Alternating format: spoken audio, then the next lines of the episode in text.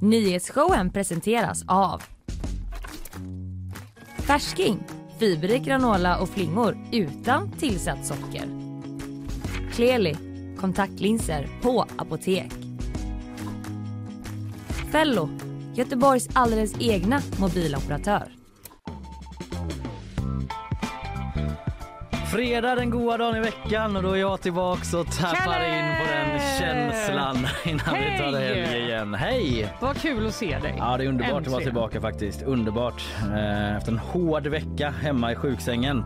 Eh, vi tar inte det nu. Vad ska du prata om idag Fanny? Jag ska prata om eh, att det har riktats stark kritik av anhöriga mot MI5 i England efter en terrorrapport. Just det, deras Säpo där ja. Exakt deras underrättelsetjänst, känd från James Bond Mm. Ja. och verkligheten. Men också känd då från eh, det här fallet. Exakt. Eh, Jag ska snacka lite om eh, lodjursjakten faktiskt. Den är ju i full Mm. gång nu och den har föranletts av en väldigt het debatt om vi ska ha den överhuvudtaget. För man har ju ökat då kvoterna där ganska så kraftigt inför i år. Det ska vi snacka om. Men allra först i programmet så kommer Hampus Dorian hit, krimredaktör här på GP. Han ska prata om den fruktansvärda attacken i Brunnsparken igår där en gärningsperson gick till attack eh, med kniv mot en ung flicka och en äldre anhörig. Just det. Där ska vi få senaste nytt eh, från Hampus och eh, sammanfatta det vi vet hittills om den här händelsen. Sen eh, går vi vidare i programmet. Det blir bakvagn som vanligt. Eh, mycket skidor för min del. Det pågår ju en konflikt Fanny. Va? En En konflikt skidkonflikt? mitt i det svenska Nej! lägret mellan Valla-teamet och eh, damåkarna. Eh, De har talat ut om det lite grann nu men eh, vi ska gå igenom lite där vad det var man bråkade om egentligen. Men gud, det är inte ens norrmännen som är arga. Eh, Det är inom det ena laget. Ja, egna. ja men precis. Eh, Det är en konflikt om förrätt liksom, så som det brukar låta. Du vet förrätt Fanny. Sen ska jag snacka lite om att eh, eh, inte spelat lika mycket på P3 längre. What's the deal with that? Typiskt. Mm, vad har du mer? Eh, jag ska prata om eh, en meth-krokodil Ja, som är någon slags uppföljare på The Cocaine Bear som Nyss. vi pratat om här innan. ja, just det. Jag har läst lite om honom och Ja. hört er prata om det. Ja, exakt. Och sen eh, om några, ett stackars par i USA som vars hem har blivit täckt i en alkoholätande svamp. Mm, åh nej. Vilken mardröm. Hatar när det händer. Ja, hur har ni haft det i veckan då, nu när jag varit borta? Nej, men vi har, du har verkligen saknats. Igår Ja. var det typ lite som att vi bara har han någonsin varit här? Det var liksom, bara, ja, när var det egentligen? När det går så lång tid att man bara, det är som, även att Karl sa, det var inte alls så när du var borta. Då gick tiden jättefort. Men nu när Kalle är borta så går tiden så långsamt. Vad betyder det att... eh, Jag tror det betyder att han saknade det så mycket så att han kände att dagarna bara aldrig tog slut. Ja, ja, nu är jag tillbaka i alla fall. Mm. Jävlar vad sjuk jag har varit. Nej. Men vi grottar inte ner oss i det. Men Nej. vi snackar liksom 40 graders feber och svärdslukar hals liksom. Det är som när man var liten. Ja, det var länge sedan jag mådde så jävla illa. Eh, Revansch. Revansch, nu är jag tillbaka. Eh, får se hur ringrostigheten ligger. Det ska nog inte vara så farligt med det. Tror inte jag. Det tror jag inte. Eh, vi ska kasta oss raskt in i att ta in eh, dagens gäst. Hampus Dorian här kommer om en liten stund, krimredaktör på GP.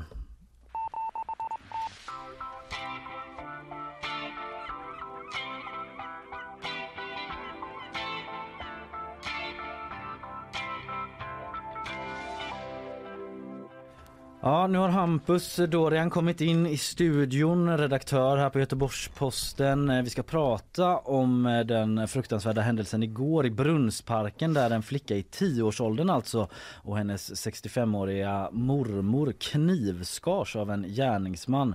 Och med till studion då, eh, studion då Hampus Dorian, eh, redaktör här på GP som sagt. Först och främst, vad är senaste nytt om hur den här flickan mår? Eh, ja, den senaste uppgiften jag har är att eh, läget är allvarligt men stabilt. Mm. Eh, det beskrevs ju inledningsvis som att läget var kritiskt Ja. eh, och allvarligt. Så att, men det ska ha stabiliserats under eftermiddagen igår. Det är den, den senaste uppgiften vi har i alla fall. Mm. Gudskelov, som Och- man säger. Den äldre kvinnan då? Vad vet vi om hennes situation? Eh, hon ska ju också ha fått skador i samband med detta men enligt vad polisen beskriver så är det så kallade avvärjningsskador, alltså på underarmarna förmodligen eh, för att hon har skyddat sig själv eller någon annan i det här fallet Mm. kanske. Eh, mot en knivattack. Så att, eh, men de, de, hon ska ju inte ha varit liksom allvarligt skadad eller kritiskt skadad. Eh, men ändå skadad. Eh, och jag såg något vittne där som ju beskrev att det var ganska blodigt och att även kvinnan var, var, var skadad på Ja. platsen eller blev skadad i den här attacken. Mm. Vad vet vi om den här flickan och deras relation? Som...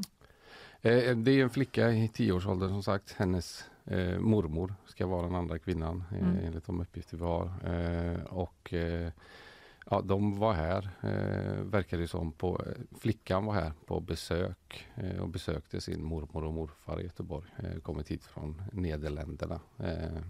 Eh, Mm. men det ska ju inte finnas någon relation till den här mannen på något sätt. Nej. Eh, enligt de uppgifter vi har nu i alla fall så är ju, det, det finns liksom ingen koppling mellan, eh, mellan den här flickan och eh, mannen som grips. Nej. Ska vi vara, vi, som du Backa säger Hampus, ja det kan vi göra också Mm. men just att man, eh, vi vet ju ännu inte exakt vad som ligger bakom men att det som du säger, upp- det finns inga uppgifter för att det fanns någon eh, relation mellan den här misstänkte gärningsmannen då och de här två offren och att det är någon typ av vansinnesdåd. Jag upplever att de vittnesmål man har tagit del av där, att folk är väldigt skärrade just av det också, att det verkar vara en sån närmast slumpmässig vansinnesattack. Har du hört den typen av eh, Ja, det har jag gjort. Sen eh, vågar inte jag sitta här och slå fast exakt vad som har hänt. Nej. Men eh, alltså, man kan väl generellt säga att när barn blir skadade på det här sättet, antingen så liksom är det Mm. del av någon form av relationskonflikt eh, mm. konflikt, eh, eller så är det ett vansinnesdåd eller terrordåd. Terrordåd har ju polisen sagt att man inte har något som tyder på att det är och då finns väl den möjligheten kvar. Mm. Eh, och det har ju, alltså det, det sker mitt på ljus dag. Eh, mitt i centrala Göteborg eh, och enligt vad vi vet så är det personer som är okända för varandra. Så att ja, det finns ju mycket som pekar i den riktningen i alla Mm. fall. Vi får se, det lär klarna eh, under Mm. utredningens gång. Jag bara tänker om någon skulle lyckats missa detta. Eh, vad, vet, vad är det som har hänt helt enkelt? Ja, men, eh, polisen får ett larm vid 12.30 tiden någon gång, alltså mitt i lunchrusningen från Brunnsparken. Eh, och då visade det sig att en man där i 35-årsåldern eh, har knivattackerat en eh, flicka i 10-årsåldern och hennes mormor då. Mm. Eh, väldigt mycket vittnen på plats. Eh, chock såklart som Kalle var inne på. Eh, det är ju många som har bevittnat det här. Eh, och den här mannen grips ganska fort på platsen. Det ska vara, bland annat ha varit en grupp ungdomar som var i närheten som hjälper till att brotta ner honom och även ordningsvakter som snabbt griper in. Mm. Och sen tillkallas ju polis eh, ganska fort. Så jag har också sett eh, filmer från platsen där, där man ser honom nedtryckt mot marken där det sitter civilpersoner på ryggen på honom. Liksom, Mm. håller fast honom. Så att det verkar som att allmänheten har gjort en insats här. Eh, Mm. Ja men det spreds ganska mycket filmer och bilder igår på sociala medier så jag. Men så blir det väl när det är en brottsplats som är så offentlig. Ja, och vid den tidpunkten liksom mitt i, mitt Mitt i lunchen. ja. Mm. Ja det är ju verkligen alla som bor i Göteborg vet ju hur det är i Nordstan. Liksom när som helst på dygnet nästan men Ja. mitt på dagen där det är ju en himla massa folk i omlopp. Eh, så är det ju. Vad vet vi hittills då om den här gripne mannen? Eh, Det är man i 35-årsåldern eh, som har ett ganska långt eh, kriminellt förflutet egentligen. Jag tror han, har, jag tror han förekommer under 21, eh, 21 punkter i belastningsregistret sedan tidigare. Eh, och där har det varit mycket stölder och sånt där. Eh, narkotikabrott. Eh, han har även för några år sedan gick han in i en juvelerarbutik i centrala Göteborg med vad som i alla fall ser ut som ett automatvapen. Och Tog åt sig klockor för över två miljoner. Han har misshandlat en livstidsdömd medfånge på en anstalt och sådär. Men sen det som, eh, det ligger också, jag, har läst bland annat en personutredning om den här mannen. Det ligger i, i bakgrunden här ett ganska långvarigt och vad det verkar tungt missbruk. Eh, och eh, även psykisk ohälsa finns här. Det står att han liksom eh, Ja, en, stor, en stor del av hans brottslighet ska vara kopplad till psykisk ohälsa och droger och han har haft återkommande liksom, drogutlösta psykoser och sådär. Så att det, det finns en lång och problematisk bakgrund. Mm. Eh, Vad säger polisen om händelsen? Vart eh, ligger deras fokus just nu? Och...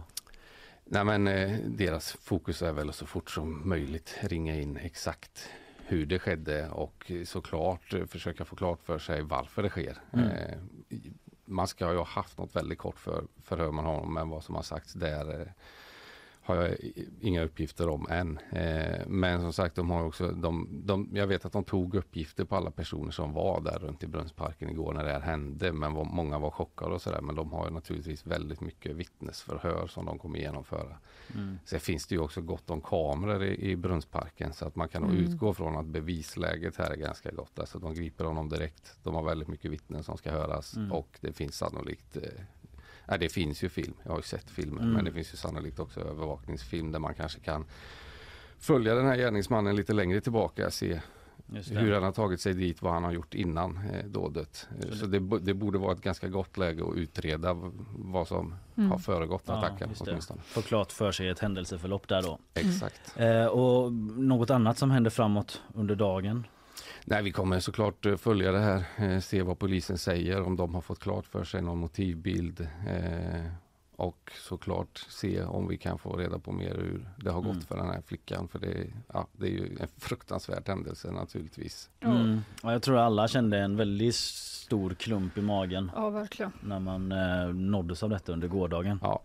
Så är det alldeles säkert. Eh, du och våra medarbetare på GP följer ju detta som sagt under dagen. gp.se är adressen för sajten eller vår app då där ni kan läsa fler uppdateringar under dagen. Hampus Dorian, redaktör här på Göteborgs-Posten. Tack för att du kom hit. Stort tack. Tack.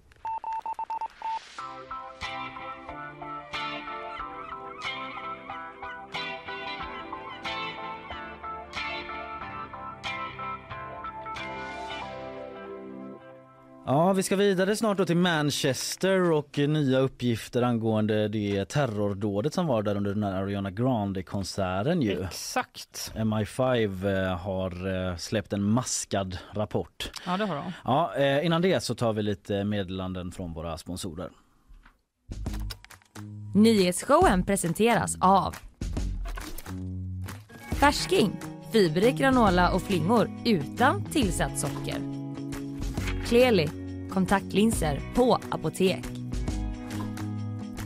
Fello, Göteborgs alldeles egna mobiloperatör. Vi ska få oss en, en liten uppdatering här från vad som sker i eh, världen från dig Isabella Persson. Ja. God morgon. God morgon. Eh, vi ska eh, göra så här att jag ger dig de ljuden som du är van att prata på. De vill du väl ha som vanligt va? Gärna. Så mycket har väl inte förändrats under tiden jag har varit här? Nej, liksom, jag har inte gjort någon nej, ändring alls. Allt är precis som vanligt. Då känner jag mig trygg och glad och eh, ja, tillförsikt inför att du ska ge oss nyheten här. Varsågod. Det ska just nu vara väldigt halt på vägarna i Göteborgsområdet. Vid halv sex-tiden nu här på morgonen så körde en bil in i sidoräcket på E6 söder om Kungsbacka och vägen har stängts av i södergående riktning. Orsaken sägs just vara halka och trafikledningscentralerna har fått in flera rapporter om det under morgonen. Något som man faktiskt inte räknat med och framförallt kan det vara dimma på vissa platser som gör det extra halt. En man har skjutits till döds i en bostad i Tullinge söder om Stockholm i natt. Larmet kom in strax efter midnatt och i bostaden fanns flera personer men ingen annan ska ha skadats. En stor polisinsats inleddes i området där man sökte med helikopter och hundpatrull men ingen person har gripits. Efter flera år av utredningar så är det nu klart att Ericsson får miljardböter i USA. Händelsen är relaterad till en muthärva i Irak som kopplades till terrororganisationen IS. Och redan 2019 konstaterade företaget i en intern rapport att man gjort sig skyldig till omfattande korruption i landet. Även om det inte offentliggjordes förrän förra året efter påtryckningar från SVTs Uppdrag granskning. Men nu har man alltså nått en överenskommelse med USAs justitie justitiedepartement om en bötessumma på 2,2 miljarder kronor. Tack för det Isabella. Eh, vi ska vidare här nu då till Storbritannien först och sen till de svenska skogarna och oj, jaktmarkerna oj, oj. där lodjuret, det mystiska, mytomspunna eller vad känner Gulliga. Mm. Eh, precis, eh, lever. eh, tack, tack, så länge Isabella. Tack. Vi går vidare.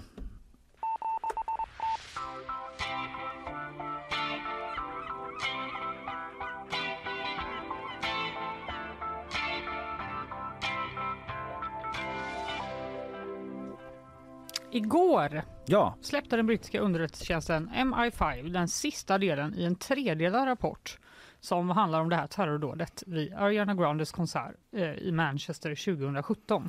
Oj är det så länge sedan nu? Ja, det är så 2017, länge sedan. Tiden går. Mm. Och de har haft, eh, rapporterna innan har liksom fokuserat på olika delar och den här sista delen handlar om vad, vad de kunde gjort för att förhindra detta från början, alltså Mm. underrättelsetjänsten. Mm. Och i den här rapporten så skriver MI5 att de missade ett viktigt tillfälle att vidta åtgärder för att förhindra terrordådet. Oj, det är ju ändå Det stora är, nyheter. Det får man ändå säga. Detta har också såklart då fått anhöriga eh, att rikta väldigt stark kritik mot myndigheten eh, Mm. som vars eh, ja, barn i detta fallet eh, gick bort Ja, helt det var ju enkelt. det som var också med den händelsen. Det var så mycket ungdomar och barn ja, i publiken. Eh, Jag tänker att vi ska göra en liten, eh, en liten eh, tillbakagång ifall folk har Mm. glömt. Innan vad vi kommer hände. till själva missen då, för den var jag Exakt, nyfiken på. Men exakt. först, mm, Eh, för det var den 22 maj 2017 som terroristen Salman Adebi gick in på Manchester Arena under en konsert med Ariana Grande. Och sen när konserten var slut så började lobbyn att fyllas på med folk.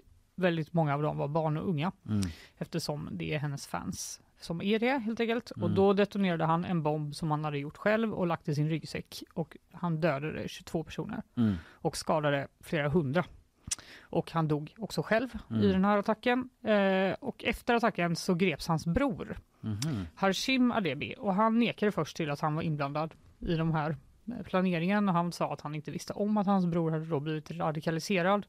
Men han dömdes av en jury till 24 på varandra följande livstidsstraff. Okej. Jättemycket fängelse Ja, för resten av sitt liv. livet, det. Exakt. Ja. Det tog juryn fem timmar att komma fram till det beslutet. Så Ganska det fanns, eh, snabbt i sammanhanget Ganska va? snabbt. Ja. Det fanns helt enkelt ganska mycket bevisning Mm. och efterhand har han också erkänt att han var med och planerade dådet. Att han var med och köpte material till den här bomben och också ska han ha instruerat sin bror via telefon under kvällen. Okej. Så i allra högsta grad eh, helt enkelt inblandad. Och nu kommer då den här rapporten och det är en mastig historia. Den har tagit uppenbarligen många år att genomföra och de har eh, intervjuat 267 personer eh, Mm. om vad som hände Mm. eh, i och, och omkring den här kvällen men också eh, vad, liksom för att kartlägga hans liv, Ja. den här terroristen. Så det kan man ju förstå, Ja. tog en liten stund. Ja. Och igår så hade de helt enkelt en samling i Manchester där anhöriga fick komma Mm. och lyssna på när de då presenterade den här rapporten. Och vi ska lyssna på ett ljud här från Sky News. He said that a security services officer did not act swiftly enough, and he said there was a realistic possibility that actionable intelligence could have been obtained, which might have led to action preventing the attack by Salman Abedi. Today's report also criticised the way that information was shared about the Abedi brothers between MI5 and counter-terrorism policing. There was also lessons to be learnt by the prison service. They should have taken note with Salman Abedi visited twice a convicted terrorist in prison, Abdul Raif Abdallah. And the report also found that the bomber should have been referred to the government's anti-radicalisation program Prevent. Flera punkter där. ja, mycket information. Mycket information, men i det de egentligen säger är att de borde helt enkelt ha förstått att han hade blivit radikaliserad och dessutom hade han då åkt till Libyen och stridit med terrorister. Mm. Kommit tillbaka till England bara fyra dagar före dådet. Mm. Och om de då hade eh, börjat utreda honom med en gång och typ följt efter honom så kunde de ha hittat den här bomben som han hade i sin bil då. Mm. Det fanns en del eh, varningsklockor som borde gått av Exakt. då i tolkningen Ganska många och Mm. om de hade dessutom samarbetat bättre så hade de Mm. kanske ja, haft en chans att, eh, att eh, ja, stoppa honom. Ja, tänk Dock. att få höra det då eh, som anhörig. Mm. De har också utrett till exempel hans moské. Mm. Har de en del i det här? Nej, det har de kommit fram till. De har, inte, eh, liksom, de har ingen skuld i att han blev radikaliserad. Dock har hans familj det, har de kommit fram till. Hans Mm. mamma, pappa och äldre bror också, eh, de, som bor i Libyen igen. som. okej. de pratade om att han hade besökt någon radikal person i fängelse Ja, där också. han hade också eh, hälsat på hos en dömd islamist som satt i fängelse i. England. Så det fanns väl lite ledtrådar ändå, verkar det som. ja. Eh, och familjerna såklart reagerade ganska starkt på den här rapporten. Vi ska lyssna igen på Sky News, vad de sa. Families of some of the victims who lost their lives in May 2017 have been here in Manchester today to hear this third and final report. They described it as deeply painful but also eye opening. But crucially, they say there is less information than we would have wanted. And Sir John Saunders explained that because of the nature of some of the intelligence, that the information he heard behind closed doors here would only be talked about in a closed report because of issues of national security. However, he stressed that lessons would still be learnt from the intelligence services to counter-terrorism policing to prison services as well in order that an atrocity like this could be prevented from happening in the future. En väldigt snabbtalad brittisk journalist.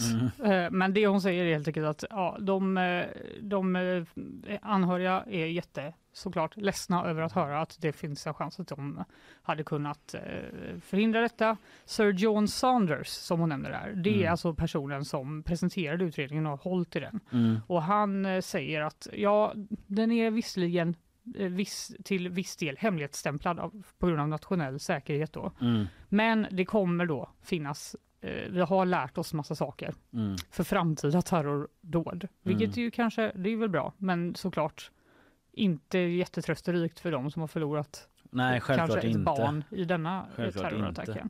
Jag tycker alltid det är slående någonstans, eh, jag vet inte om det är ban banal liksom, iakttagelse men just när det är den här mänskliga faktorn även inom underrättelsetjänst. För Mm. man förväntar sig inom vissa branscher att det alltid ska vara väldigt så standardiserat. Det är koll på läget. Vi har handlingsplaner för det ena och det andra. Sen visar det sig att trots alla de här olika varningssignalerna så lyckas ändå någon slippa genom nätet, Mm. anglicismen liksom slinka emellan Mm. alla säkerhetsbarriärer liksom och komma fram ändå. Det är ändå någon som ska fatta beslutet Ja. någonstans eh, och det är ju en människa som gör det. eh, eh, Helt enkelt. Ja men det är liksom som, nu blir det banalt igen men som för 10-15 år sedan när jag förstod att, liksom att alla busschaufförer kanske inte är liksom 10 av 10 på att köra buss. Eller vet man tror att alla som har ett jobb är jättebra på det. Sen anser man, nu säger jag inte, nu vet inte jag vad som har hänt i bakgrunden här men liksom att det kan ske mänskliga misstag i, alla möjliga platser helt uppenbarligen. Ja, exakt. Och BBC har till, intervjuat flera av de anhöriga, till exempel Caroline Curry som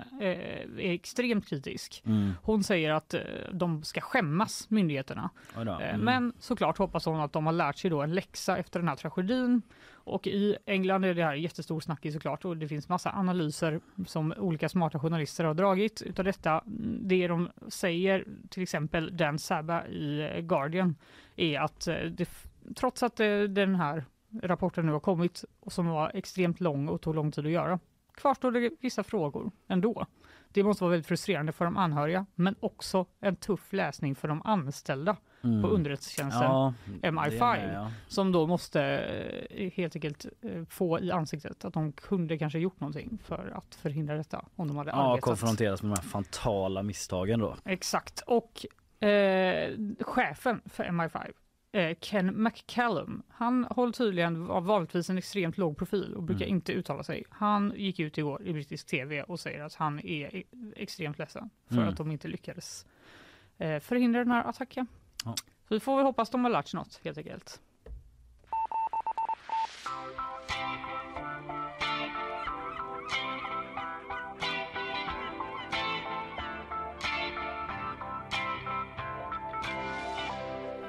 Kanske ska säga det om någon eh, sitter som på nålar. Jag tar det ansvaret nu och bara säger det att det blir ingen quiz den här veckan.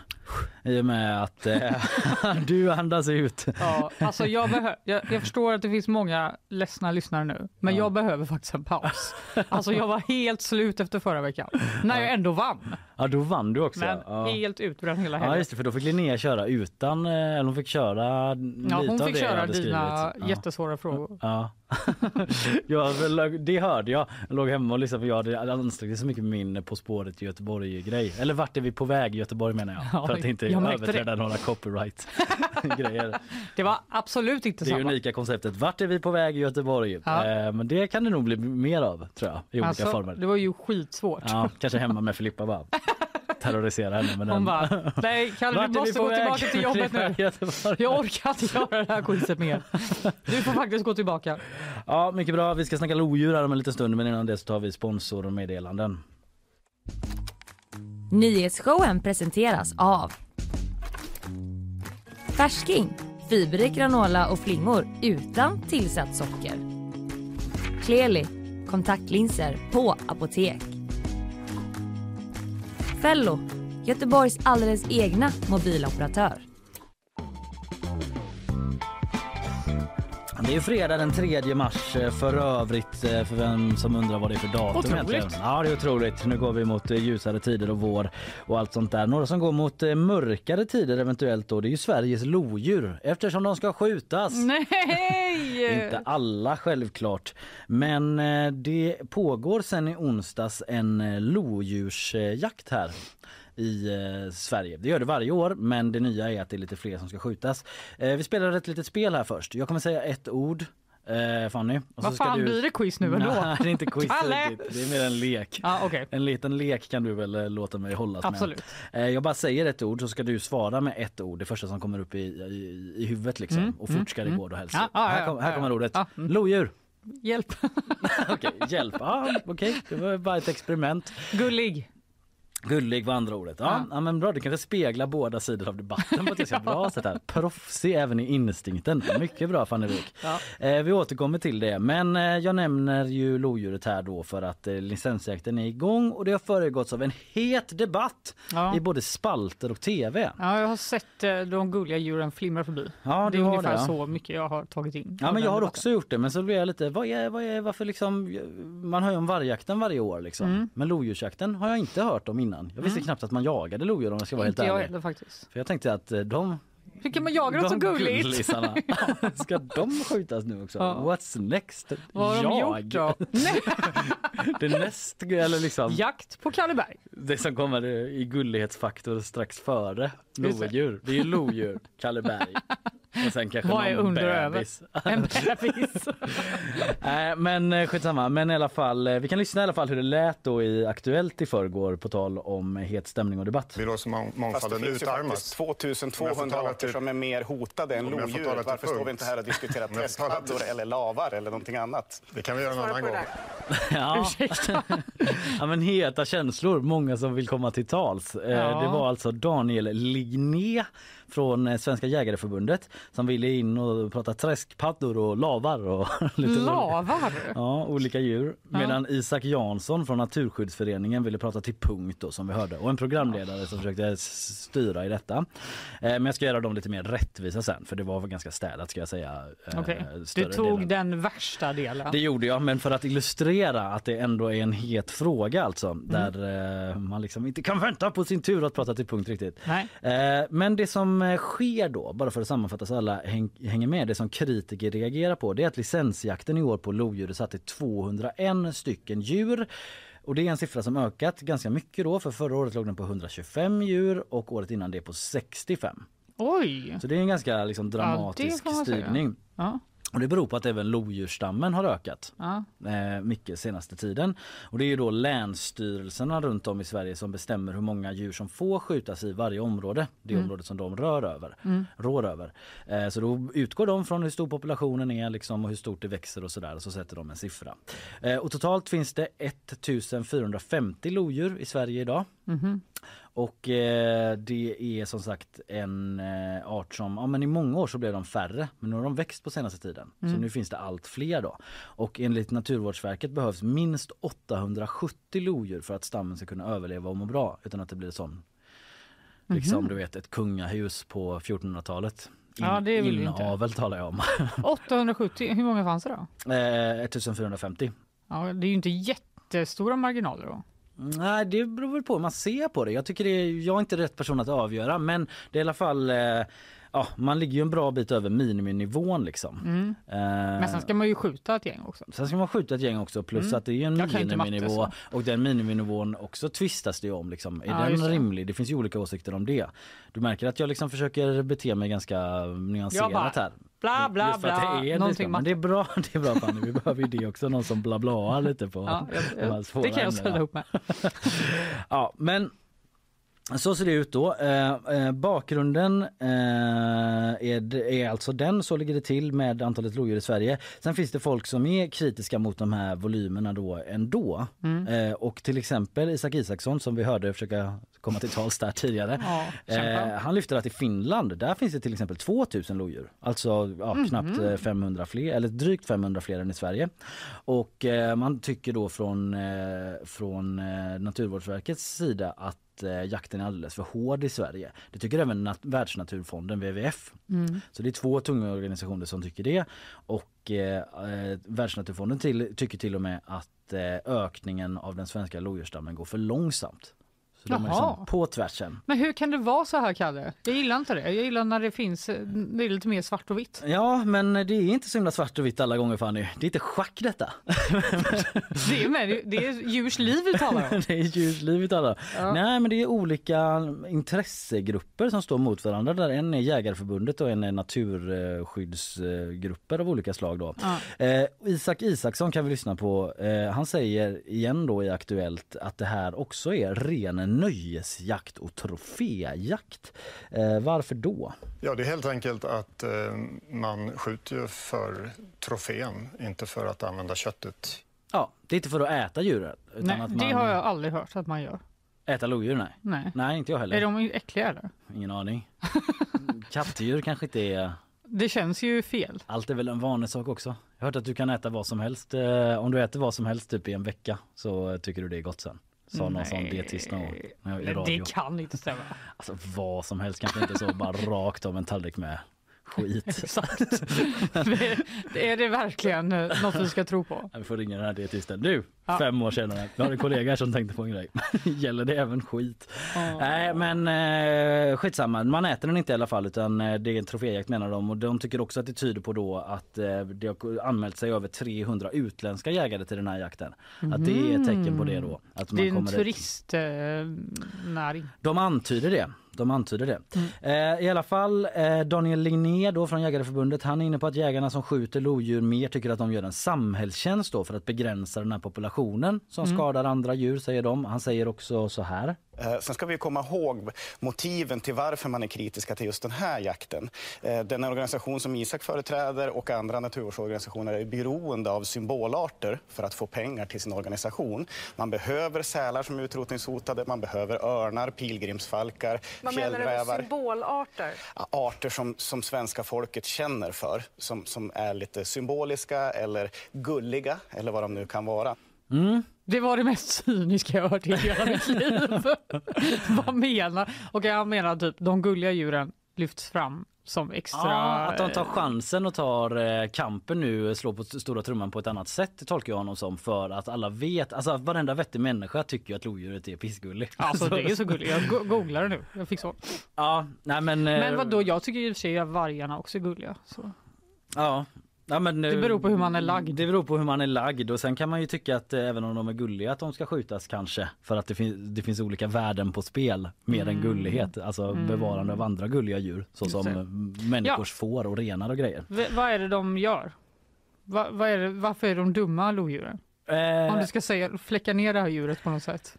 Jo, men alltså en eh, som Jägareförbundet lyfter är att de tar väldigt många renar bland annat, tusentals renar per år eh, och eh, även tamdjur då. Men det menade Naturskyddsföreningen att det i södra och mellersta Sverige där man har ökat de här kvoterna ganska mycket inte är ett så stort problem där. Men eh, de kan liksom gå på får och grejer och sådär. Naturskyddsföreningen menar liksom att de snarare det finns något positivt i att de går på dels att de går på lodjuren och tar eh, vildsvin och sånt som vi också vet växer väldigt mycket men framförallt kanske rådjur och att de på, på, på så vis behåller balansen i ekosystemet där liksom att det blir någon sorts eh, eh, survival of the fittest att de tar liksom de, typ de sämsta rådjuren om du förstår. Och liksom håller den gruppen på tårna. Man inte liksom dra runt massa Nature skit is rådjur, cruel. rådjur i skogen som Nej. inte har där att göra. Som är för svaga för att få beta olika gulliga. knoppar och sånt. Ehm, så det, där ser man, ser man olika på det. Ehm, men eh, som sagt, har du sett ett lodjur någon gång? Nej, inte i verkliga livet tror jag. Nej, jag har gjort det en gång. Det är en av mina starkaste naturupplevelser någonsin. Vadå det, i det vilda? Nej, det säger ganska mycket om mig att det var på en Aha. djurpark. Då. Nej. att min starkaste naturupplevelse någonsin var Wow! på Orsa björnpark där jag såg ett lodjur men den bara tittade mig rakt i ansiktet. Och det var Och sa hjälp mig härifrån, jag är instängd i en djurpark. Och du bara wow att, och jag bara wow, nature. The grandeur of it all. Ja. Ja, den satt bakom vid en sån däckgunga bakom den. Jag såg den emellan sån. De hade kanske ingen däckgunga, det är någon annan som hade. Men de är ju, Jag hoppas att han hade det. De är ju sig. starka på något sätt för de är så skygga också. Mm. Man, man, skygga långt in i hängnet. Så satt de och där såg jag den. Skitsamma, det har inget med sakfrågan att göra. Det är bara både Jägareförbundet, där verkar de överens i alla fall om att det är ett gulligt djur som många bryr sig om. Det är bara det jag försöker Mm. etablera. Eh, där bråkar de inte. Men är det så då att Naturskyddsföreningen cyniskt utnyttjar eh, eller liksom är cyniska kring att man bara liksom slår på trumman när det är de här gulliga djuren? Så här säger Isak Isaksson om det. Nej, det stämmer ju inte alls. Utan, eh, Daniel är ute och cyklar här. Utan det handlar om att vi är ju naturens försvarsadvokat. Det är vår uppgift att försvara artnaturen. Och vi befinner oss i, i världen och i Sverige i en naturkris. Ja, Ja. Han lyfter ett bredare perspektiv. Biologiska mångfalden begränsas i hela världen liksom. Mm. Mm, det är det han vill prata Vi om. håller inte på med gulliga djur per se. Per se. Det var ju det här som mynnade ut i det här när, varför pratar vi inte om eh, lavar då? Och groddjur. Och Sådär, det som vi hörde i början. Ja, en padda. Eh, men... Eh, Har kan- de inte hört om bevara våtmarkerna? Nej precis, det är väl i och för sig inte de som ligger bakom det, Naturskyddsföreningen då. Nej, men, jag eh, menar att de pratar om eh, paddor kanske? Ja just det, men att den biologiska mångfalden pratas om. Jag tänker att de kanske gärna hade pratat om lavar men att Aktuellt inte är lika pigga på att debattera det. De bara, eh, vad sa ni att vi pratade om? Ni? Lavar? Nej, det var fullt här. Eh, det kan ha med medielogiken att göra också. Ja. Men i alla fall. Eh, Daniel Ligné då, eh, han menar ändå att de spelar cyniskt kanske då på folks ömma känslor för lodjuret. Att det är bra PR för dem då helt enkelt för de här organisationerna. Att folk liksom, att det rörs upp känslor och man känner bara ah, fan vi måste kanske ge pengar till Naturvårdsverket så de bevarar Just de här det. gullisarna. Mm. Det är ungefär det som är hans case då om Mm. jag får tolka honom. Mm. Ehm, men eh, som sagt, ja, men jag var inne lite på detta då, eh, föregick mig själv där när du frågade men att eh, ja, de menar från Jägareförbundet att de eh, går på liksom renar och eh, tamdjur och sådär men ja det har vi redan pratat om.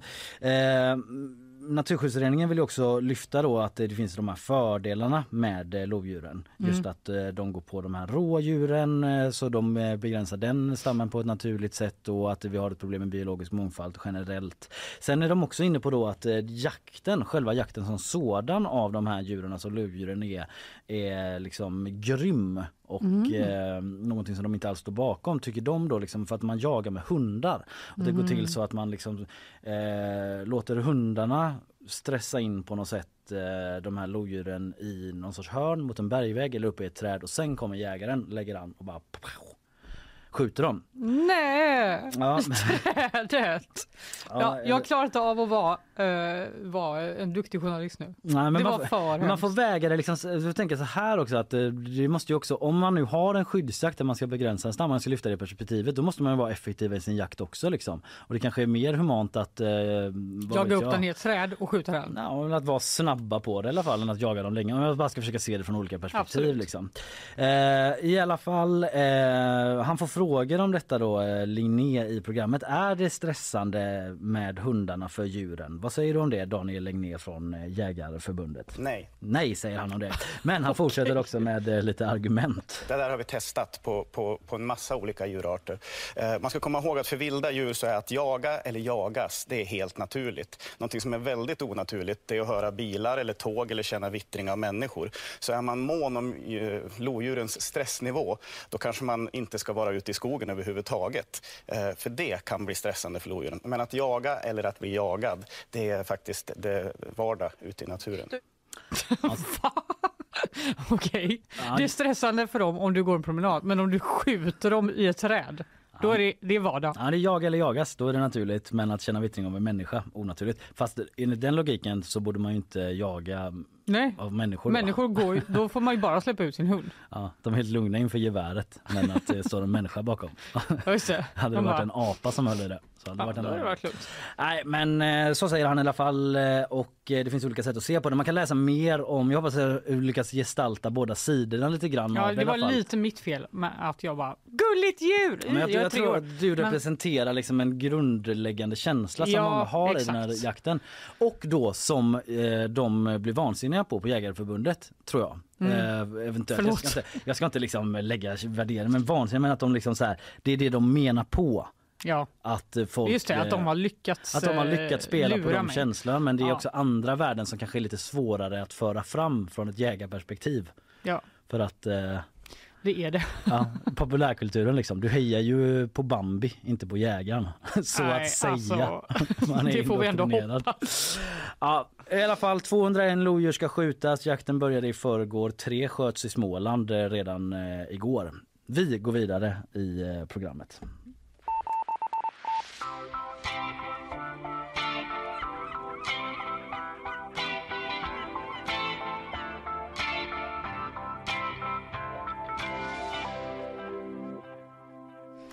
Ja, hoppas inte jägarna kommer efter mig nu.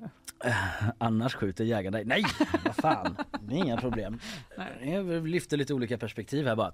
Ehm, vi ska ta sponsormeddelanden. Sen ska vi in i det här vallabråket och det var eh, det ena med det andra som du hade också. Ja, herregud. och så nyhetssvep från Isabella, Bessa, Isabella. Isabella. Isabella, som jag vill kalla det. Isabella Persson. Vi ses snart. Nej vänta. Nyhetsshowen Ny- eh, presenteras av Färsking, fiberrik granola och flingor utan tillsatt socker. Kleli, kontaktlinser på apotek. Fello, Göteborgs alldeles egna mobiloperatör. Ja vad säger du då Is- Isabella? Isabel Tar du med dig eller lägger du den i kanske-lådan eller rakt i Den kommer jag absolut slänga. Ja. Den slänger du. Ärlighet vara längst. Ja det gör det verkligen Nej. och eh, sanningsenlig är du ju också när du rapporterar nyheter. Det Och, eh, försöker jag vara. Det försöker du alltid vara. Och det ska du vara nu med. Varsågod. Flickan som knivskars i Brunnsparken igår var på besök från Nederländerna för att besöka sin mormor och morfar. Detta konstaterar nu polisen. Det var vid lunchtid igår som flickan, som är i 10-årsåldern och hennes mormor attackerades av en man i 35-årsåldern som enligt initiala uppgifter inte ska ha någon koppling till dem. Mannen kunde gripas direkt på platsen och har nu anhållits misstänkt för mordförsök. En man har skjutits till döds i en bostad i Tullinge söder om Stockholm i natt. Larmet kom in strax efter midnatt och i bostaden fanns flera personer men ingen annan ska ha skadats. Enligt P4 Stockholm ska den avlidna mannen vara i 50-årsåldern och en stor polisinsats inleddes i området där man sökte med helikopter och hundpatrull. Men ingen person ska ha gripits. Rysslands vice utrikesminister Sergej Ryabkov varnar Sverige för att skicka Gripenplan till Ukraina. Detta säger han i en intervju med Svenska Dagbladet. Att skicka planen skulle vara en väg mot direkt konfrontation med Ryssland, säger han. Men också att svenskar inte kommer att bli säkrare av att gå med i Nato. Men den säkerhetspolitiska experten Johan Norberg menar att den här typen av uttalanden blivit typiska för den ryska regimen och att när de upprepas som de gjorts den senaste tiden så har de blivit allt mer ihålliga. Efter flera år av utredningar står det nu klart att Ericsson får miljardböter i USA. Händelsen är relaterad till en muthärva i Irak som kopplades till terrororganisationen IS. Och redan 2019 konstaterade företaget i en intern rapport att man gjort sig skyldig till omfattande korruption i landet. Även om det inte offentliggjordes förrän förra året efter påtryckningar från SVTs Uppdrag granskning. Men nu har man alltså nått en överenskommelse med USAs justitiedepartement och bötessumman kommer landa på 2,2 miljarder kronor. Ja, på tal om eh, Ericsson och IS. Mm. Guldspade-nomineringarna just dropped Just det, häromdagen. igår. Ja, Mm. igår. Eh, och eh, inte att den här var nominerad i år då, deras eh, grej där men Nej. eh, Men, det, har, det har varit eh, nominerat tidigare va? Ja det har det varit. kanske till och med. Ja det har blivit osäker på det om det har vunnit eller inte. Men eh, GP nominerades ju i Mm. flera kategorier om man bara får skryta lite grann. Tre stycken va? Ja, eller hur? Pretty cool. Pretty I vår cool. lilla värld av journalister och media så är Mm. det fan eh, storslam på något sätt ju. Verkligen. Jag vill ändå lyfta det. Vi har ju pratat om två av de här grejerna i programmet. Dels är det ju hur många, eh, per hur många gräv går det per Sydvik Sydvik? ju om, eh, Nöjd var han med Ja. det smeknamnet. Mm. Nöjdare än vad jag var med Det- mitt. Ja precis, det var inte juryn till Guldspaden då som eh, använde sig av det smeknamnet. Ja, alltså vi, folk eh, vet kanske vad Guldspaden är men man belönar liksom årets bästa granskningar. Mm. I media då. Men hans granskning som vi pratat om här ju med eh, städbolaget utan anställda Yes. om den här stora städfirman i stan. Sen var det också den här stora granskningen av händelsen där Nadja Blom kördes ihjäl ute på hissingen och eh, där våra reportrar på grävredaktionen har liksom slått ner i den händelsen och försökt liksom kartlägga omständigheterna runt omkring och så. Eh, Och ja. sen var det ju också Tobias Andersson Åkerblom Just som det. också var här och pratade om sin bok. Ja men just det, han har ju också varit här. Det var precis i början när vi började sända. Ja, han, det- han har också blivit nominerad i kategorin Årets bok. Ja. Helt enkelt. Riktigt För. Draken. Mm. Och, Draken. och på Ja. tal om eh, händelsen med Nadia Blom där, Ja. den eh, granskningen så f- eh, kom ju åtalet igår också. Just det. Det har vi inte pratat om, men eh, det var så mycket annat som hände i, i och med knivdådet igår och så. Ja, det hamnade lite i skymundan där i alla Mm. fall för vår del. Det ligger eh, flera artiklar på vår sajt där man kan läsa om det åtalet som har kommit eh, angående Nadja Blom. Ja. Mycket bra Isabella. Mm. Nu går vi vidare och tar fler nyheter från eh, dygnet som gått.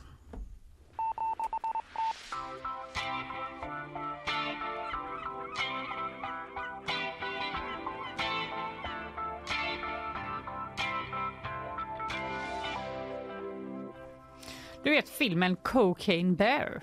Ja, jag vet ju eh, sen igår kväll typ. Va? Men- Missade du det? Ja, det, är, det det är typ en månad sedan den släpptes. Ja. Ja, jag har kanske- sett det förbi sådär men jag har faktiskt jä- jäkligt dålig koll på den. Vet du vad, jag tror också att de flesta kanske inte har sett den men läst om den. Mm. Eh, Den handlar helt enkelt om eh, en överförfriskad björn som är hög på kokain. Typ delvis baserad på en verklig händelse va? Är det så? Ja, jag läste Ja. om det igår att alltså, det, det var vid något tillfälle i USA att eh, någon björn hade hittat någon jävla knarkgömma typ. Det låter i och för sig inte helt otroligt. Men inte då gått till attack mot Nej, eh, det mot som folk. händer i filmen är att, att björnen börjar jaga de stackars medborgarna Ja. i staden där den bor. Men eh, nu har i alla fall någon tyckt att det här var en jättebra idé. Produktionsbolaget Mm. The Asylum kommer nu med ett eget bidrag. Ja. Eh, och de har bland annat gjort innan Sharknado, du vet om hajar som åker upp i olika tornados. Ja. Eh, vilket ja, enligt eh, den här artikeln skapar besvär för lokalbefolkningen. Så det kan man ju tänka Det sig. kan man ju tänka sig. Ah, Aldrig sett, men det, det är en genre av filmer det där eh, ändå glimt i ögat-filmer får man Ja, säga. verkligen. Eh, men, men jag har aldrig riktigt förstått hur de här hajarna överlever i den där. Nej, jag fattar faktiskt inte heller. Det känns som en väldigt kort film. Men de har säkert vara. eh, kommit på något snillrikt kring det. Ja, det har de säkert. Men, men nu så- har de i ja. alla fall gjort då, eh, en, de har kommit på en helt ny idé, ish, Mm. eh, efter Sharknado och eh, den här björnfilmen. Och det är en, en film som ja, eh, har ett annat vattendjur i eh, huvudrollen, en alligator, Mm. höga på metaamfetamin. Ja, Och därför går projektet under namnet Attack of the Meth Gator. Ja, absolut. reaktioner Varför på det? inte? Så Eh, här ser eh, affischen ut. Det är en extremt farlig alligator Röda med lysande ögon, och eh, vassa tänder. som går runt i typ Miami. Ja, det ser det verkligen ut Ja, som. ja, men jag läste kort att det ska vara i Florida någonstans. Så det, jag tycker ändå typ att det är också en så här bra blend igen då. Att eh, de har väl jättemycket problem med crystal meth i Ja, Florida. Ja, Att- just Och det det. är så gator country, och så white trash, liksom gator trash. Alltså nu är det lite nedsättande termer de är här, men det är i alla fall så det kallas ibland liksom. Ja, ja. Eh, när man raljerar. Eh, så jag, jag fattar liksom lockelsen i den typen av film. Men vet och du vad det jävligt står här, påpassligt att kapitalisera. Ja, Nej. det står att även Attack of the Meth Gator vilar mot verkliga händelser. Ja, det är så. Ja, under Okej. 2019 går polisen i det amerikanska samhället Loretto med en vädjan till allmänheten. Sluta spola ner era droger i toaletten! Ja, ja. Varför man nu gör det? För polisen kommer och Ja det på. kan det vara ja. Hela tiden. Flush Ja, it! fan. Ja, detta menar myndigheten påverkar nämligen djurlivet i stadens dammar. Och inlägget på sociala medier avslutades med orden Vi vill inte ha några meth gators. Men de skrev det själva Ja. myndigheterna. Så det var uppenbarligen eh, någon slags eh, myndighetsperson som kom på det här Ja. fräcka ordet. Men undrar om de har haft den här filmen redan i pipen då eller att de bara slängde ihop en affisch efter Cocaine Bear liksom. Ja, det står bara att eh, ur frasen Alltså, vi vill inte ha några meth gators från 2019 Mm. kom idén. Ja, ja. Så de, kanske hade idén helt enkelt innan eh, Cocaine Bear ens var påtänkt, vad vet vi? Ja. ja men jag, eh, jag tänker på två saker. Mm. Dels tänker jag på Backstreet Bo- Boys dokumentären som kom eh, på typ Netflix för ganska länge sedan som Mhm. var oväntat väldigt bra i alla fall. Men där är de hemma hos Nick Carter ju, som är från Florida. Just Och han är från en sån där miljö liksom med mycket metamfetamin och folk som har det jävligt knackigt och han berättar typ att någon sån uncle eller granne eller något liknande fick liksom armen avbiten av en alligator som liksom lurade gud. utanför huset. Ja, det kanske bara är så att vi kan inte tänka på det. För Ja, det är det- så bisarrt för oss. Det, chock, det chockerade mig. jag eh, förstår det. det bara, att, eh, ursäkta, vad sa du? Ja, det lå- låter som en fruktansvärd liksom, nidbild och eh, det kanske det är som jag representerar på ett sätt och det är inte hela Miami eller hela Florida som är så men att eh, det ändå finns en jävla massa krokodiler där och en jävla massa metamfetamin. Det andra som jag tänker på då var att jag bara snabbt gick in på Wikipedia angående Cocaine Bear. Att eh, det står att det är baserat på en verklig händelse från 1985 med en svartbjörn som åt flera kilogram kokain. Det brukar Oj! väl komma i gram annars va? Har jag sett i Snabba Cash och liknande. Ja, det har jag ju haft en hel prata om en gång när, med det här knarket i havet. Ja just det. Just. Exakt vad det kostar sånt. Fan, alltså han... Eh, Men den dog Ja, det och skadade klart. inga personer. Det var liksom den dog typ direkt. Ja, Ja. ja, det verkar så. Den liksom, äter man kilo kokain. men varför gör det? Det är en verkligen gott. Svartbjörn. Nej, jag vet inte. Den bara, det här luktar dyrt. Det är ju beroende liksom. Direkt. En liten och så bara, Ja, Cocaine fick natten. eh, en etta i vår tidning en etta i vårt av Mats Jonsson. Ja. Han tyckte den var trams. Vi får se då hur det går för meth. Croc, meth alligator eller vad heter det? vad vill jag glömma detta? Meth Gator. Meth Attack gator. of the Meth Gator. Ja, men Emily lyfter ju här också, vår producent, att det finns ju ett knark som kallas krokodil också. Va? Varför inte det bara inte- den krokodilbärsen? Varför tog den inte det? En svensk de ny liksom, dokumentär, de kallar oss mods eh, fast krokodiler som dricker den krokodilölen. Dra till Florida då. Tråkigaste film. cykla till ditt jävla Sitter på Florida. plattan och dricker krokodilöl. Ja. Slut.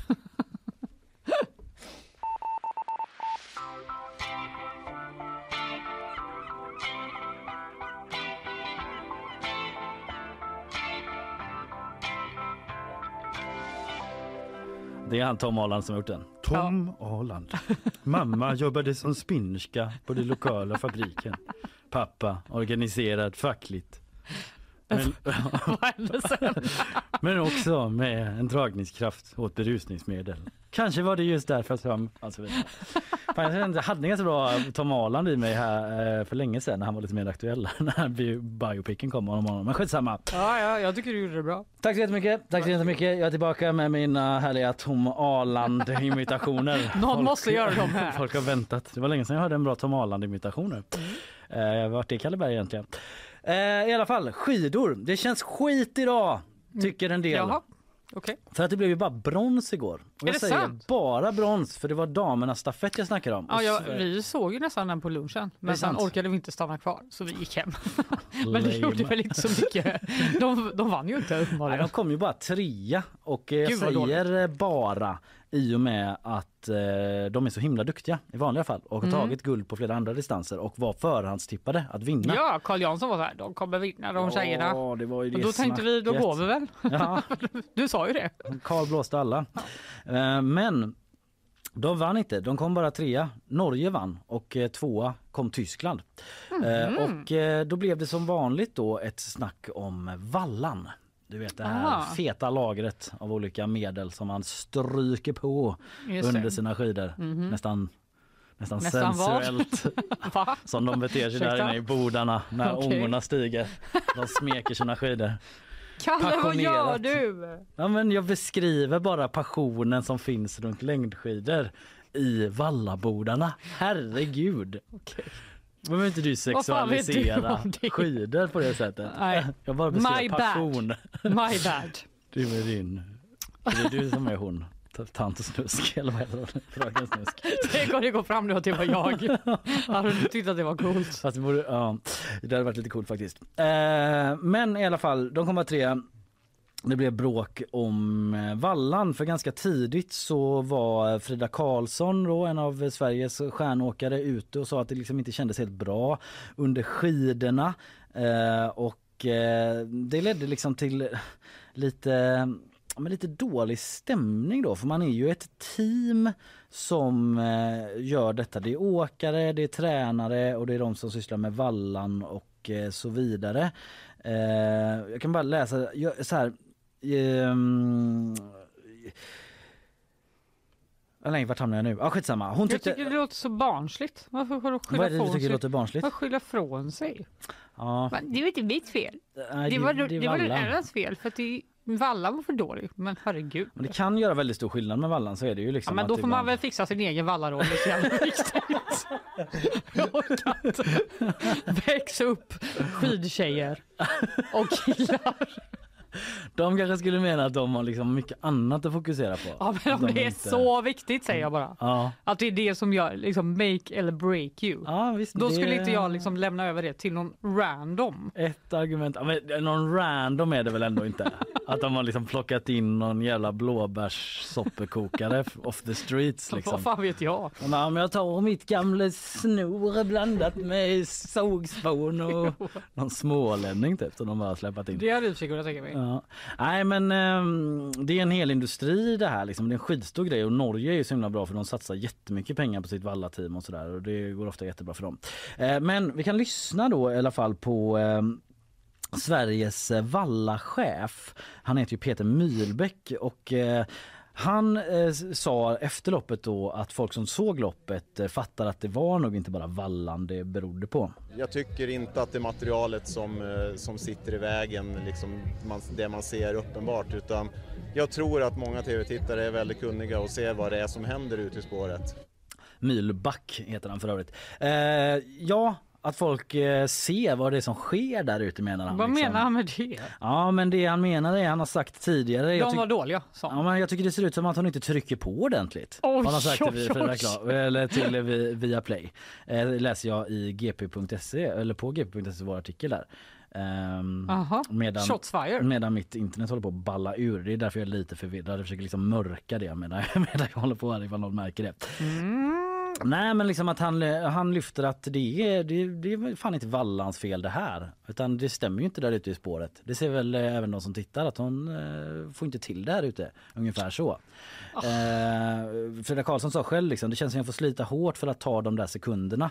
När hon ligger lite efter som hon gjorde då ett tag. Jag tycker inte riktigt jag hänger med utför heller. Jag tror inte jag har haft så bra skidor idag faktiskt. Så det var det liksom som föranledde och då sprang ju journalisterna till vallachefen. Och, Ja, hon säger sådana dåliga skidor. Ja men det var verkligen så. Kommentar på det. Ja vi kan lyssna vidare på vad han säger. Eh, finns även en liten liksom, eh, jag ska inte säga, en liten irritation att eh, så fort de idrottsliga prestationerna inte går dit drömmarna så är det materialet som, som sitter emellan och i verkligheten så är det nog inte så riktigt.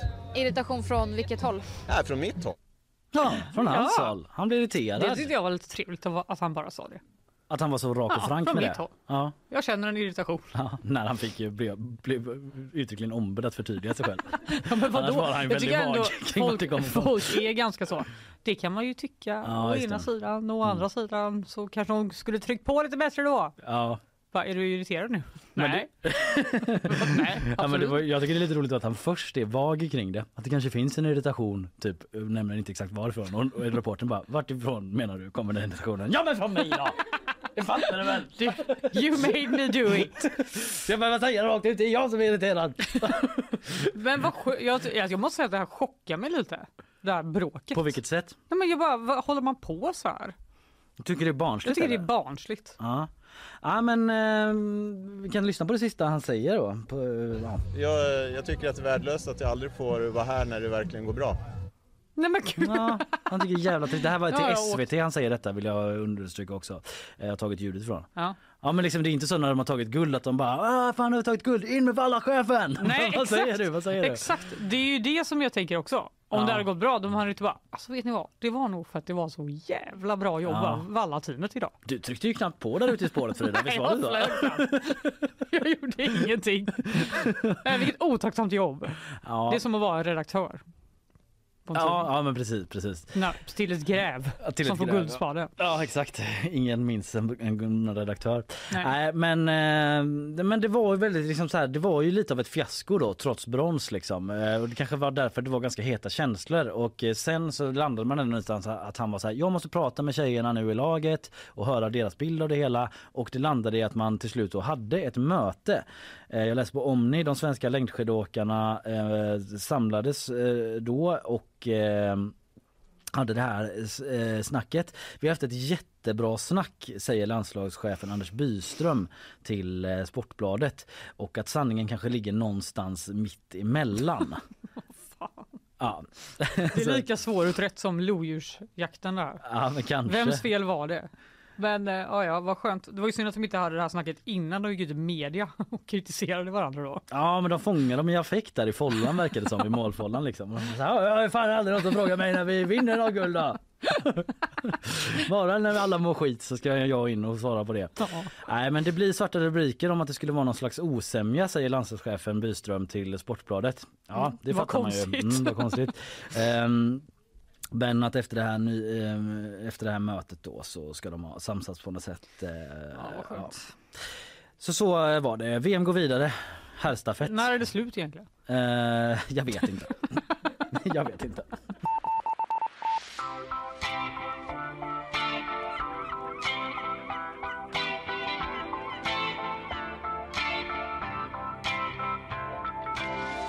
Herrstafett idag. Jaha, Är vi får hoppas att Valla-teamet är Ja, motiverat. han sitter och surar där nu. Ja, hoppas ni vinner idag då. Jag tycker att han är så sur.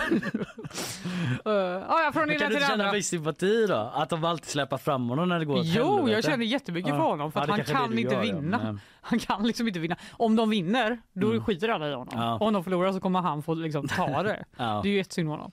Men nu har vi fått lite breaking news här från Isabella Persson underbart. om julkalender. Är det sant? Alltså den som kommer till jul.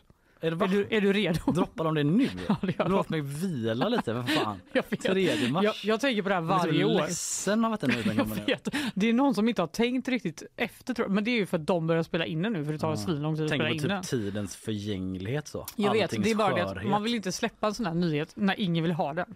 Men nu kommer jag ändå berätta den. Ja, men det är för att det inte ska läcka typ så här. Ja, jag antar det, men det, ju, det skulle du inte göra för ingen kommer bry sig. Nej, det är ingen som orkar tänka på det. Nej, men nu ska jag ändå berätta den här Ja. nyheten. Ja, jo, men nu vill jag ju veta. Ja, det är nämligen en av tv-historiens mest uppskattade julkalendrar som ska återvända Som ska återvända. 44 år senare. Mysteriet, 44 år sedan. Ja. Mysteriet på Greveholm på att säga, men det är ändå Nej. trolltider. Ja! Yes! Wow, Kalle! Ja, men det är den gamla man kan och typ teskedsgumman. Jag kan inte alls den. Jag känner bara 44 år gammal, skämtar du med mig? Nej, jag kan, alltså kan på så sätt att jag känner igen titeln men jag vet inte, det var, en hand, det var väl, handlar väl om troll då? Och Ja, ja. tiderna de levde i. Exakt. Troll, årets julkalender heter Trolltider, legenden om Bergatrollet. Eller är det någon modern version att det handlar om olika internetkrigare som är ute och bara typ så Gud, roligt Det är hade varit." invandrarnas fel. De bara nere i källaren sitter de Sitter hamnar på sådana datorer. Nej, det verkar vara troll för jag ser här Kjell Bergqvist klädd som trollet Gorm. Mm. Eh, det verkar också vara Nour El Refai och Malte Gårdinger. Som eh, säger, de säger så här. Vi tar minnet av gamla trolltider och översätter det till idag. Malte Gårdinger hade inte koll på trolltider innan de ringde från castingbolaget va? Verkligen inte. Han bara jaha, vad roligt. Men nya trolltider. Jag menar han är så ung menar jag bara. Ja, jag förstår att det var det du menade. Mm. Ingen- Eh, inget annat. Inget mot hans allmänbildning vill Nej. jag understryka. Nej, vad vet vi om den? Men eh, ja, det är världens längsta reportage. Vi kanske inte behöver gå in i det i detalj, men jag ser i slutet här att eh, alltså, de beskriver faktiskt allt som händer i hela den här trolltiden. Mm. Eh, det kan man läsa på gb.se om ni är intresserade. Men det finns en liten faktaruta i slutet som är de mest minnesvärda julkalendrarna enligt tv-tittarna. Ja vad kul! Ja, gissa Vadå har de gallupat enligt Ja. tv-tittarna? Eh, Källa SVT. Okej. De har väl gjort en någon slags eh, undersökning. Då får du gissa topp 1, 2, 3. Då tror jag att eh, den mest, eh, vad var rubriken? Alltså de Det mest minnesvärda. minnesvärda. Då tror jag att den mest minnesvärda är mysteriet på Greveholm. Det är rätt! Yes! Och sen tror jag då nummer två, nu är det top of mind, det fattar alla. Eh, jag slänger in Pelle Svanslös. Jaså? Det var fel. Det var fel. Julika Pernum. Nej. Också fel. Ja, också fel. Nej, nu börjar jag svära. Sunes jul! Sunes jul såklart ja. Och sen ja. kom Trolltider. Sen kom Trolltider. Okej. Ja, och det förstår jag faktiskt inte för då är det massa jättegamla som har varit med i den här undersökningen Ja. Första sajten de kom in på på internet. Bara. En omröstning. Jag trycker här. De and, alltså, det man kan säga är ju att det är väldigt gamla julkalendrar som hamnar här. Ja. De är från, eh, nu ser jag från Greveholm 96, Sunes jul 91 och sen då Trolltider, lastgammal. ja. Så eh, det har inte hänt så mycket bra då på senare år. Nej, det hör väl till sakens natur. Alltså de som eh, konsumerar julkalendern idag på det sättet kanske inte är inne och ägnar sig åt den här typen av omröstningar på GPS Dina barn menar du? sajt. Nej. Nej men det jag tänker vi. Men ja, vi kanske hade i och för sig eh, röstat in. Men är du eh, en sån som kollar på julkalendern även fast du är vuxen nu? Eh, jag försökte göra det för att jag har ett barn. Bara Men här, hon är så "Åh, liten En ju." mysig tradition. Ja. Hon bara... Da, da, da, da, da, da, da. Jag bara Typ en pinne? nästa år kanske. ja. Jag försökte hålla på det. Ja. det gick inte så bra. Ja. Gjorde det du där, Nej, nej, det där har jag lite svårt med. Nej, men det jag tror att den här kommer vara för dig Kalle för det står att det ska vara Sunes jul som möter Sagan om ringen. Den här Trolltider? Och Trolltider då? Den det inte baserad på Trolltider? Ja, vi, precis, vi gör en reboot av Trolltider kan man säga och den kommer vara lite som eh, när Sunes jul möter Sagan om ringen. Det är exakt det de säger. Vi tar minnet av gamla trolltider, översätter det till idag. Det blir en ny historia med spännande, men spännande. Sunes jul ska möta Sagan om ringen. Är det liksom så att Aragorn stormar eh, eh, Mordor fast trasslar in sig i massa tejp? du vet som Sunes Ja, pappa. Just det, sån slapstick eh, humor fast med slapstick, om svärd. Ja. och troll. Ja. Vi vet inte, vi får väl se när det blir jul igen. Ja, det var märkligt. Vad är det han heter? En svensk eh, manlig skådis. Ganska stor näsa. Lite udda namn. Udda namn? Ja. Mm. Ehm, eh, Womba Womba? Nej. Nej, Nej. då har jag ingen aning. Eh, efter gripandet, P3 spelar nästan aldrig Yasin längre. Nej. Läser en eh, rubrik från eh, DN där men det är faktiskt SVTs eh, Kulturnyheterna som gjort en genomgång av eh, P3 spellistor. Mhm. Och då fokus på Yasin. Varför gör man det då? Varför man, varför man bryr sig om det? Nej, men jag börjar tänka bara, han har ju suttit inne Ja, jättelänge. Han kanske inte, de kanske inte kan spela hans musik för han har inte gjort någon ny. Men nu har han gjort ny musik. jag tror att han har gjort ny musik eh, faktiskt, eller släppt ny musik i alla fall. Ja, Eh. Men min fråga handlar ju mer om sådär, jo men alltså det har ju att göra med att eh, han greps ju 2020 då, eh, Yasin för inblandning i kidnappningen av en annan rapartist, Einar nämligen. Yes. Eh, och eh, efter det då så har hans musik knappt spelat på Sveriges Radio och P3 eh, visar den här kartläggningen. För det var ju en diskussion då innan man liksom kopplade honom till Einar Mm. och bara liksom talade generellt om hans eh, kopplingar till kriminella nätverk och sådär. Borde man spela honom eller inte? Och Sveriges Radio hade Ja. väl en linje då Eh, Nu sammanfattar jag dem väl grovt liksom men att man ändå skilde på verk och person och fortsätter spela honom ganska mycket. Ja, det var det man sa.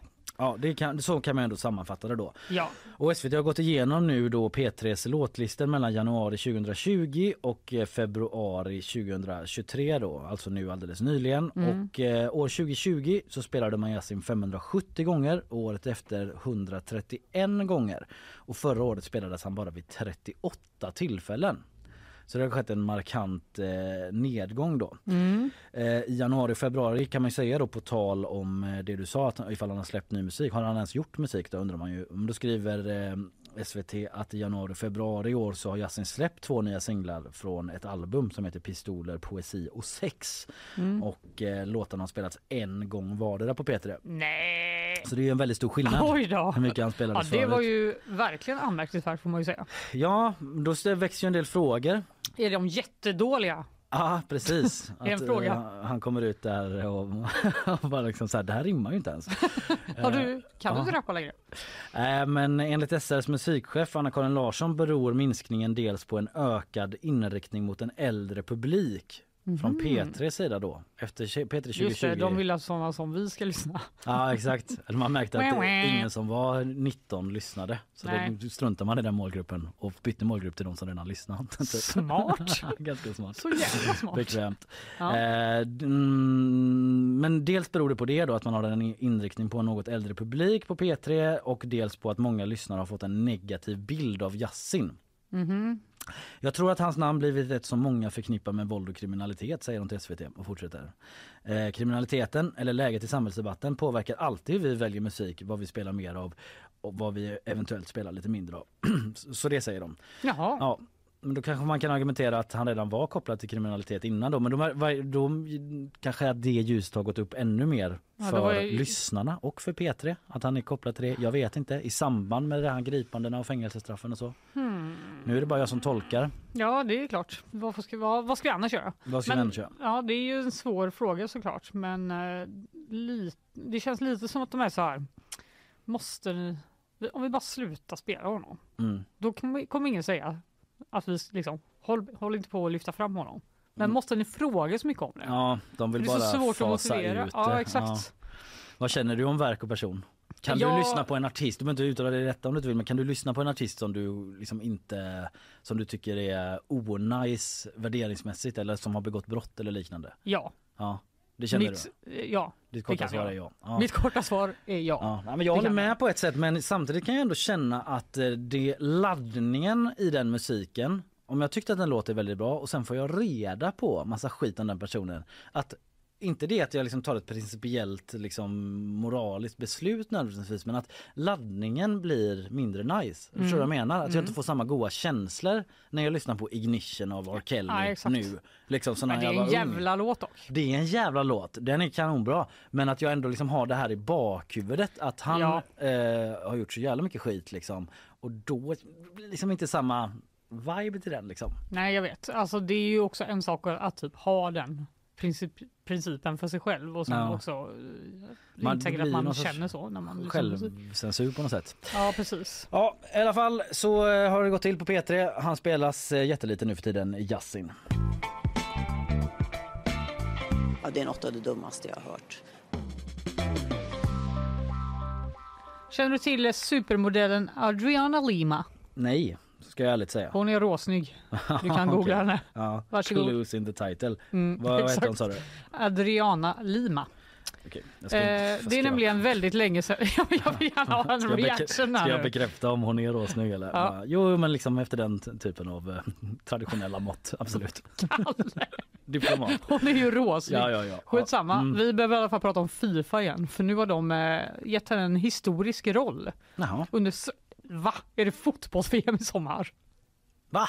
För damer ja, just det. Mm. Jaha, räknas inte det då? Jo, Ja. jo men absolut men, men att du sa det som att det var Ja. så här, är det igen? Och då blev jag typ så här, nej, jag kan kände bara, men, ja. ska olika killar kolla på fotboll i sommar? Men det kanske de kommer göra ändå nu Ja. eftersom alla älskar damfotboll nu för tiden. Det gör man ju nu för tiden. Ja. Ja, så är det med det. Ehm, Det var nämligen i måndags på Fifas The Best-gala i Paris som Gianni Infantino tillkännagav att den här då 41 41-åriga brasilianska supermodellen får en historisk roll inom Fifa. Var det så? Här står jag med en skitsnygg tjej och det kan ju se väldigt konstigt ut. Med tanke på hur jag ser ut. Eh, jag tippar att det var exakt så. Att han Ja. bara, kommer du, kommer du då till galan?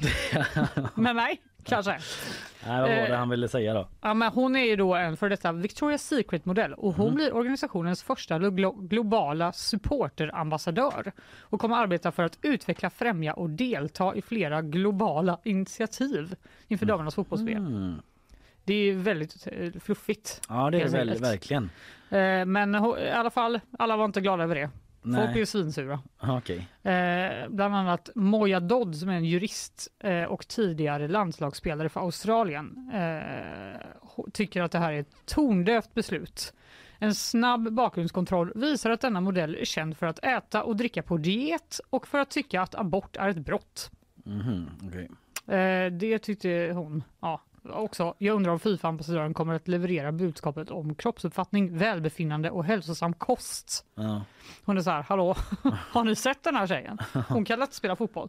Hon är Ja, dösmal. men det är väl det man undrar, eh, vad hennes koppling till fotboll överhuvudtaget då? då? Nej, alltså det har jag inte hittat någon. Utan det verkar mer... eh, Gianni Infantino säger att när man träffar Adriana så känner man direkt av hennes värme, vänlighet och hur tillgänglig och passionerad hon är över vår sport. Mm, okej. A.k.a. hon är fett snygg. Ja.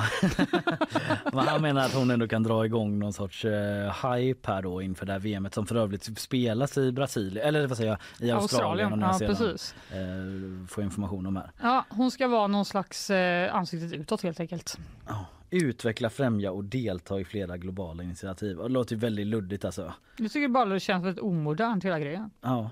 Men eh, Vi får se. Du kanske har fel. Det kanske blir en publikfest och alla tackar den här eh, tjejen, Adriana Lima. Adriana Lima! Varför är du här och kollar på Sverige? Ah, det var för hon Adriana Lima utstrålar sån Hon sa att det var typ. jättekul. Ja, så nu eh, är jag här. Alltså, du vet, ni vet, jag blandar språk. Det kommer komma in lite française ibland. Det kommer komma in lite espanjol. Jag har gjort så här nu i 15 år, 20 år så att ni, det är bara gillar läget. Men i vilket fall som helst. Um, vad var frågan? Mer sport, mycket sport idag. Eh, jag ska prata om eh, en, eh, om Vasaloppet faktiskt. Vi, det är en person som tar sig an det på ett lite nytt sätt. Robin Bryntesson ska genomföra en udda och utmaning i årets Vasalopp som äger rum relativt snart. Och det är att han ska, vad tror du det är han ska göra? han ska åka det jättefort. ja, det är ju liksom det normala förfarandet. Alltså att man vill åka så snabbt som möjligt. Att alla bara flytta på dig! Han bara nej, alltså jag måste få ta det i min egen eh, takt. Nej, han ska inte åka så långsamt som möjligt men han ska åka de nio milen baklänges. Det är- Orka! Ja, Jag blir så irriterad. utveckla varför. Ja, men det är också typ bara sån kille som bara titta på mig! bara, det är väl skit, det är väl jobbigt nog att bara åka Vasaloppet. Ja, Det är ju mega långt. i grund och botten är det inte värre än att backa med släp säger han. Eh, till eh, Dagens Det är ju Nyheter. också jättejobbigt. Det är ju skitjobbigt. Ja, exakt. Vadå inte värre? Ba, ba, hur lång är långt är Vasaloppet? Nio mil. Ja, ska du backa nio mil med släp? det är inte jobbigt alls. Det hade, det hade man ju velat se faktiskt. Någon som Faktiskt. skulle backa hela den slingan med släp. Ja. Ja, ja, det är ju typ mindre störigt. Ja, minst det. För det är ju någonting då med att det är ju redan... Tänk om man ska åka Vasaloppet Mm. och så har man kämpat och tränat som fan för det och vill göra en så bra tid, tävla mot sig själv liksom, så bra Mm. tid som möjligt. Så kommer någon åker förbi och bara yeah! så baklänges. Då blir det ut med staven bara. Ja, eller hur? Han kommer nog få många sådana vredeshugg i sidan. Ja, av, alltså bara av ren instinkt. Ja precis, uppmuntrar det inte såklart men eh, det är svårt kanske att lägga band på sig. Jag kommer ihåg min egen gymnastiklärare på högstadiet när eh, han var väldigt, eh, hade väldigt bra kondition.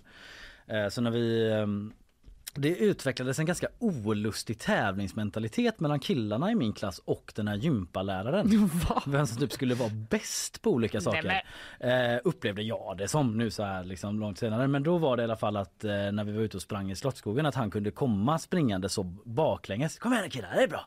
Du vet, och vi, han kanske bara försökte peppa oss men vi upplevde det som att han typ hånade oss. Nej. Men det gjorde han nog inte. Men i alla fall eh, att han sprang baklänges. Jag försöker bara gestalta att just den här att någon kommer springandes förbi en fast baklänges Mm. är ganska eh, triggande på något sätt. Ja, Jag hade blivit svinsur. Ja, Jag känner Då att, känner vi eh, samma. Jag tror att eh, han, den här mannen borde tänka om. Ja, ja, men han vill ha en ny, eh, ny utmaning helt enkelt. Och det gör han för att samla in pengar för att omvandla bandvagnar till ambulanser i Ukraina.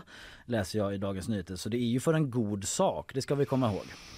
Eh, Så då kanske man får håll i stavarna där ute och irritationen att det här går faktiskt till Ukraina. Det finns en viss symbolik i det hela säger han. Ambulanserna ska kunna ta sig fram i svåråtkomlig terräng men detsamma gäller för mig under Vasaloppet. Så ja, lite krystad symbolik kanske. Jag tänker inte säga något Nej.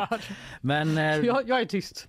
beundransvärt eh, då att samla in pengar självklart. Eh, Vi kände att vi ville bidra och hjälpa Ukraina eh, och han är sedan tidigare Eh, då, eh, eller han berättar om eh, hans vän då som han kom på den här idén med, Jen, Jen, Jimmy Hen, Hemmingsson. Jimmy Hemmingsson eh, som slog ihop huvudena en kväll i Göteborg står det. Eh, och den här Jimmy han är verksam i något som heter Human Rescue Sweden som hjälper Ukraina på olika sätt då liksom, och då kom han på det här sättet och då ska man väl samla in pengar på någon vänster då. Eh, så detta kommer han att göra när Vasaloppet går av stapeln och när är det då? Det är ganska snart tror jag. Eh, ja, 5 mars, på, nu på Va? söndag. helt Det är ju nu. Ja det är nu på söndag. Så Ja, kommer han dra vi får se på baklänges. måndag om han lyckades då. Det får vi, det får vi göra du. Eh, har du något mer du vill delge? Nej. God natt tänkte jag säga. Men... God natt. Det, Ja. god morgon. Det är jättefint väder. Säg god natt till den här veckan eh, och eh, siktar in oss på måndag. Ja, eh, vecka. Men först ska vi ha en god helg, Kalle. Ja det ska vi göra. Kanske se på herrarnas stafett här under lunchen om vi pallar. Nej. Nej.